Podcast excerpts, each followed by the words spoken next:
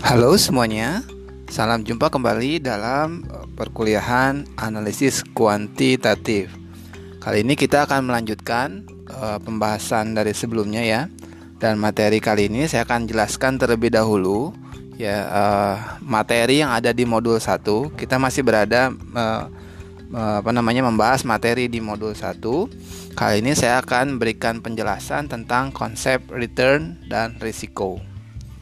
Oke ya di dalam Google Classroom juga saya sudah upload satu buah file Excel. Di situ ada dua worksheet, contoh menghitung expected return dan juga estimasi resiko ya. Sebelum itu uh, perlu saya jelaskan terlebih dahulu definisi dari return. Apa sih return? Return merupakan salah satu faktor yang memotivasi investor untuk berinvestasi. Dan juga return merupakan imbalan atas keberanian investor menanggung resiko dari investasi yang dilakukannya. Oke ya. Dan return investasi itu e, prinsipnya terdiri dari dua komponen utama yaitu yield ya yang merupakan komponen return yang mencerminkan aliran kas atau pendapatan yang diperoleh secara periodik dari suatu investasi. Yang kedua yang dinamakan capital gain atau bisa juga capital loss. Apa itu? Merupakan komponen return yang e, merupakan kenaikan. Kalau dia merupakan gain berarti kenaikan. Jika dia loss e, berarti penurunan harga suatu surat berharga. Surat berharga di sini bisa saham maupun juga obligasi. Bisa seperti itu. Yang bisa memberikan keuntungan bahkan juga bisa memberikan kerugian bagi investor. Seperti itu ya returnnya. Oke, uh, untuk pembahasan berikutnya kita akan coba uh, mem uh, membahas dari definisi dari resiko. Resiko itu sendiri merupakan kemungkinan perbedaan antara return aktual yang diterima dengan return yang diharapkan. Jadi actual return yang kita terimanya berapa, terus kita punya harapan dari return yang akan diterimanya itu berapa. Semakin besar kemungkinan perbedaannya, berarti semakin besar resiko dari investasi tersebut. Ya. Beberapa sumber resiko yang mempengaruhi resiko investasi setidaknya terdiri dari delapan. Yang pertama, resiko suku bunga, yang kedua, resiko pasar, ketiga resiko inflasi, keempat resiko bisnis, kelima resiko finansial, keenam resiko likuiditas, ketujuh resiko nilai tukar mata uang, dan yang kedelapan resiko negara atau country risk. Oke, uh, tadi sudah dijelaskan sekilas tentang uh, apa namanya uh, definisi dari return dan juga resiko. Sekarang mari kita buka file Excel yang sudah saya uh, upload ke dalam Google Classroom. Oke, dibuka dulu filenya. Nah, di situ ada dua worksheet ya. Worksheet paling kiri itu menjelaskan tentang bagaimana caranya menghitung eh, expected return atau return yang diharapkan. Nah, di worksheet yang kedua itu ada contoh bagaimana melakukan uh, perhitungan estimasi resiko. Kita bahas terlebih dahulu dari menghitung expected return atau return yang diharapkan. Pada bagian atas di situ saya uh, sampaikan ada definisi atau atau ada apa namanya penjelasan awal bahwa menghitung return yang diharapkan atau expected return ya caranya untuk mengestimasi return sekuritas sebagai aset tunggal atau stand alone risk, investor harus memperhitungkan setiap kemungkinan terwujudnya tingkat return tertentu atau yang lebih dikenal dengan probabilitas kejadian. Jadi probabilitas itu peluang munculnya satu kejadian. Nah, secara matematis eh, return yang diharapkan dapat ditulis sebagai berikut. Cara menjelaskan dari rumus tersebut adalah Expected return sama dengan sigma. Sigma adalah penjumlahan. Penjumlahan dari apa? Penjumlahan perkalian dari return ke I. Ya, nanti returnnya ada, ada, ada berapa nanti secara contohnya ya. Return ke I dikalikan dengan probabilitas kejadian return ke I. Ya, untuk lebih memudahkan langsung saja kita lihat contoh menghitung expected return. Agak ke bawah kita scroll. Nah, ini misalkan sekuritas uh, eh, AXXX misalnya gitu ya. Dia memiliki skenario ekonomi sebagai berikut. Ya, sebagaimana kita tahu kondisi ekonomi itu ya kita bagi dalam tiga kondisi ekonomi ya.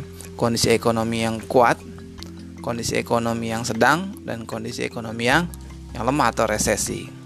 Ya, misalkan di situ uh, kalau kita berbicara uh, probabilitas perlu diingat dulu probabilitas adalah total probabilitas pasti satu. Ya, total peluang pasti satu.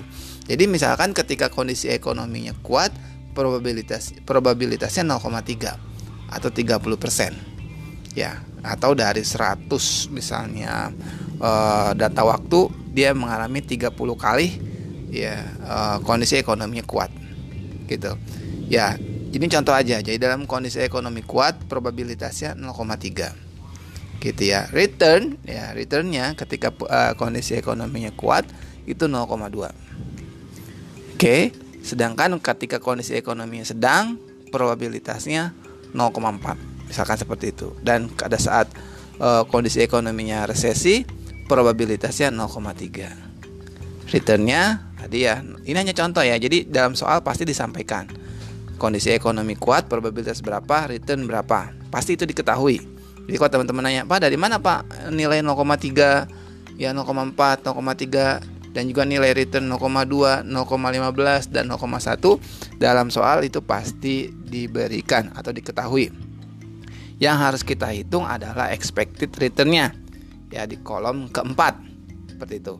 Nah, expected returnnya sederhana saja. Jadi nilai probabilitas di baris setiap barisnya kita kalikan dengan return di setiap barisnya. Tadi kan I ya, itu berarti kondisi ekonominya di sini ada tiga ya. Jadi kondisi ekonomi kuat, sedang, dan resesi. Jadi kita buat lagi satu kolom di sampingnya, samping return itu sudah saya buatkan. Jadi probabilitas dikali return. Di baris pertama 0,3 dikali 0,2. Hasilnya 0,06. Oke. Di baris kedua di kondisi ekonomi sedang nilainya 0,4 dikali 0,15 Hasilnya 0,06 Dan sekarang di baris ketiga Kita kalikan lagi Ya 0,3 dikali 0,1 Hasilnya 0,03 Nah expected, expected returnnya berapa? Return yang diharapkan dari sekuritas tadi berapa? Dalam kondisi eh, tiap-tiap uh, kondisi probabilitasnya dan return yang terjadi. Jadi tinggal kita jumlahkan saja. Ya, 0,06 ditambah 0,06 ditambah 0,03. Itu yang di kolom keempat ya, teman-teman. Dilihat di kolom keempat di probabilitas kali return, nilai-nilai tersebut tinggal dijumlahkan hasilnya 0,15 atau kalau kita dijelaskan dalam bentuk persen, return yang diharapkan dari sekuritas AXX tadi adalah 15 persen. Oke, setelah kita uh, memahami ya cara menghitung expected return, sekarang kita klik ya kita buka yang contoh estimasi resiko. Di dalam modul juga sudah ada ya uh, expected return seperti apa, cuma mungkin memang kurang jelas karena kurang dilengkapi soal latihan. Jadi teman-teman lihat modul terus lihat contoh uh, soal latihan di Excel yang sudah saya berikan sambil menyimak penjelasan melalui audio podcast ini. Nah, untuk mengestimasi resiko ya secara statistik kita menggunakan pendekatan statistik standard deviation atau simpangan baku. Nah, bagaimana caranya? Rumusnya sudah saya berikan. Nah, itu cara bacanya uh, yang seperti bulatan itu adalah uh, dibacanya kalau dia uh, ada pangkat dua disebutnya varians atau ragam. Sedangkan tanpa ada pangkat dua di sebutkan deviasi standar atau simpangan baku. Ya, jadi teman-teman gak usah bingung, ini aja ceritanya. Untuk mengestimasi resiko, kita harus hitung simpangan baku. Untuk mendapatkan nilai simpangan baku, maka kita harus mendapatkan nilai ragam atau nilai varians. Ya, nilai varians ketika kita akarkan dalam catatan tersebut itu dipangkatkan setengah ya supaya mudahnya jangan dipangkatkan setengah udah diakarkan jadi nilai akar dari varians adalah nilai deviasi standar atau simpangan baku seperti itu kita untuk memudahkan langsung saja ya teman-teman kita lihat uh, tabel yang sudah saya berikan di situ ada terdiri dari 6 kolom ya dari 6 kolom nah nilai-nilai yang diberikan pada kolom 1 dan kolom 2 ini pasti nilainya diketahui. Ya, pasti nilainya diketahui. Jadi dalam contoh soal, misalkan nanti kita akan menghadapi soal uh, UTS, ujian tengah semester, nilai return dan nilai probabilitas atau nilai di kolom 1 dan nilai di kolom 2 itu pasti diberikan dalam soal. Nah, tugas teman-teman adalah nanti menghitung expected returnnya berapa. Ya, expected return tadi sudah dijelaskan di pembahasan sebelumnya di worksheet sebelumnya. Oke. Nah, berikutnya sekarang kita hitung tingkat resikonya. Ya, basisnya tetap kita harus tahu dulu nilai expected returnnya berapa. Oke, teman-teman sekarang fokus ke kolom ketiga ya. Ingat kolom ke satu dan kolom kedua nilainya sudah diketahui. Sekarang kita lihat dari mana mendapatkan nilai kolom ketiga. Sebagaimana saya tulis dalam uh, Excel, diperoleh dari nilai return I atau di baris ke I dikalikan probabilitas di baris ke I. Maksudnya gini, kalau dia return di baris ke satu yaitu 0,07 maka kita kalikan dengan nilai probabilitas di baris ke satu ya. Jadi nilai dari eh, apa namanya 0,07 dikali 0,2 ya. Fokus teman-teman di baris ke 1. Ya, kita sedang membahas di baris ke 1. Ya, di kolom ketiga, maka hasilnya 0,014. Saya ulangi, 0,014 diperoleh dari 0,07 dikali 0,2. Ingat di baris ke 1 ya, teman-teman. Nah, kita hitung terlebih dahulu ya, kita hitung terlebih dahulu seluruh nilai di kolom ketiga sebelum bisa menghitung nilai-nilai di kolom keempat. Jadi jangan langsung mengerjakan kolom keempat. Kerjakan terlebih dahulu kolom ketiga sampai dengan selesai. Oke, sekarang baris kedua ya. Ingat, kolom ketiga, baris kedua nilainya bagaimana? nilainya adalah dari 0,01 dikali 0,2. Hasilnya adalah 0,002. Dan seterusnya sampai dengan baris terakhir yaitu 0,15 dikali 0,2. Hasilnya adalah 0,03. Ingat tadi expected return adalah jumlahnya ya. Jumlah perkalian sebagaimana tadi di worksheet di yang pertama jumlah perkalian dari return baris ke i dengan probabilitas baris ke i. Cuman tadi contoh yang pertama, contohnya adalah kondisi ekonominya kuat, sedang dan resesi. Sekarang contohnya adalah returnnya diketahui return 0,07 terjadi 0,2 atau 20 persen. Return 0,01 terjadi 20 persen dan seterusnya sampai dengan return 0,15 terjadi 20 persen. Jadi total probabilitas di situ uh, eh, 1 atau 100%. Nah, expected returnnya adalah jumlahnya ya. Jumlah di kolom ketiga kita jumlahin, hasilnya adalah 0,08. Sini paham ya? 0,08 adalah nilai expected return kita. Setelah itu baru kita bisa mengerjakan nilai kolom keempat. Ya. Nilai kolom keempat, perhatikan di baris pertamanya Ya, itu adalah nilai return baris ke satu. Ingat kita lagi bahas kolom keempat, baris ke satu. Ya, jadi nilai return baris ke satu 0,07 dikurangi nilai expected return. Berapa? Expected returnnya adalah 0,08. Jadi hasilnya adalah minus 0,01. Kita kerjakan dulu semuanya itu di kolom 4. Ya, dikerjakan dulu di kolom keempat. Jadi sekarang kita hitung misalnya baris kedua. Masih di kolom keempat, baris kedua. Dari mana minus 0,07? Yaitu dari 0,01 dikurangi 0,08. Dari mana 0,08? 0,08 diperoleh dari nilai expected return. Seperti itu ya, sampai dengan baris terakhir yaitu 0,15 dikurangi 0,08. Hasilnya 0,07. Setelah kita menghitung kolom keempat, barulah menghitung nilai di kolom kelima. Dari mana nilai nilai di kolom kelima? Sederhananya adalah teman-teman pangkat dua kan atau kuadratkan nilai-nilai di kolom keempat. Ya, dikuadratkan nilai setiap baris di kolom keempat yaitu minus 0,01 kuadrat. Ya minus 0,07 kuadrat. 0 kuadrat. 0,02 kuadrat dan terakhir 0,07 kuadrat yang hasilnya 0,0049 Ya, kolom kelima sangat mudah yaitu nilai-nilai di kolom keempat kita tinggal kuadratkan saja. Oke, lanjut ke nilai di kolom ke-6. Bagaimana cara menghitung nilai kolom ke-6? Simple saja, tidak perlu pusing. Tinggal kalikan saja nilai setiap baris di kolom ketiga.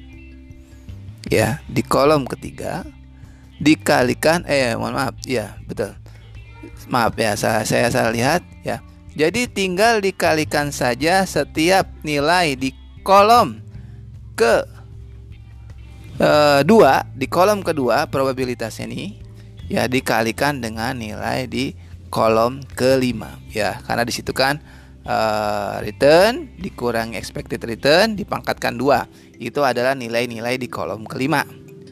Ya, dikali PR I atau probabilitas di setiap baris ke I, berarti di kolom kedua. Jadi kita kalikan ya, saya ulangi untuk mengisi nilai-nilai di kolom ke-6. Contoh nilai kolom ke-6 baris ke-1 yang 0,00002 itu diperoleh dari ya nilai uh, di kolom kelima dikalikan dengan nilai di kolom ke dua seperti itu. Oke ya, nanti hasilnya kita tinggal jumlahkan. Nah, hasil penjumlahannya itulah yang dikenal dengan nilai variasi atau nilai ragam. Ya, nilai total dari kolom ke-6 itu adalah nilai ragam. Nah, untuk mendapatkan nilai simpangan baku atau standar deviasi, kita akarkan saja nilai itu. Akarkan 0,0202 diakarkan hasilnya adalah 0,0449. Jadi kalau kita berbicara tingkat resiko dari eh, katakanlah saham AXXX ini tingkat resikonya adalah 4,49 persen 4,49 persen ya namun demikian, dalam pengukuran resiko sekuritas, kita juga perlu menghitung resiko relatif dari sekuritas tersebut. Resiko relatif ini menunjukkan resiko per unit return yang diharapkan. Jadi ini per unitnya. Nah, ukuran yang dipakai adalah koefisien variasi atau koefisien of variation. Caranya ya sangat mudah ya, sangat mudah sekali. Di modul juga ada rumusnya, sangat mudah sekali. Tinggal kita bagi saja nilai simpangan baku dengan nilai expected return. Ya, hasilnya adalah 56,18%. Ini adalah resiko relatif yang menunjukkan resiko per unit return yang diharapkan. Ini tiap-tiap unit yang return diharapkan kan ada nih ya. Jadi memang e, nilainya seperti itu. Sedangkan kalau untuk berbicara e, resiko dari estimasi estimasi risiko dari saham ini adalah 4,49% sebagaimana diperoleh dari nilai simpangan bakunya. Sedangkan jika berbicara resiko relatif, maka resiko relatifnya adalah 56,18%. Uh, untuk lebih memudahkan, coba teman-teman browsing terlebih dahulu ya apa yang dimaksud dengan resiko relatif, apa yang dimaksud dengan uh, resiko dengan penggunaan perhitungan uh, dengan pendekatan standar deviation. Jadi dua contoh soal ini uh, apa namanya merupakan contoh sederhana yang bisa kita bahas dalam pertemuan pertemuan atau dalam diskusi sesi ketiga dari analisis kuantitatif. Demikian, semoga bermanfaat. Selalu semangat, jaga kesehatan. Kita jumpa lagi di lain kesempatan. Terima kasih. Assalamualaikum warahmatullahi wabarakatuh.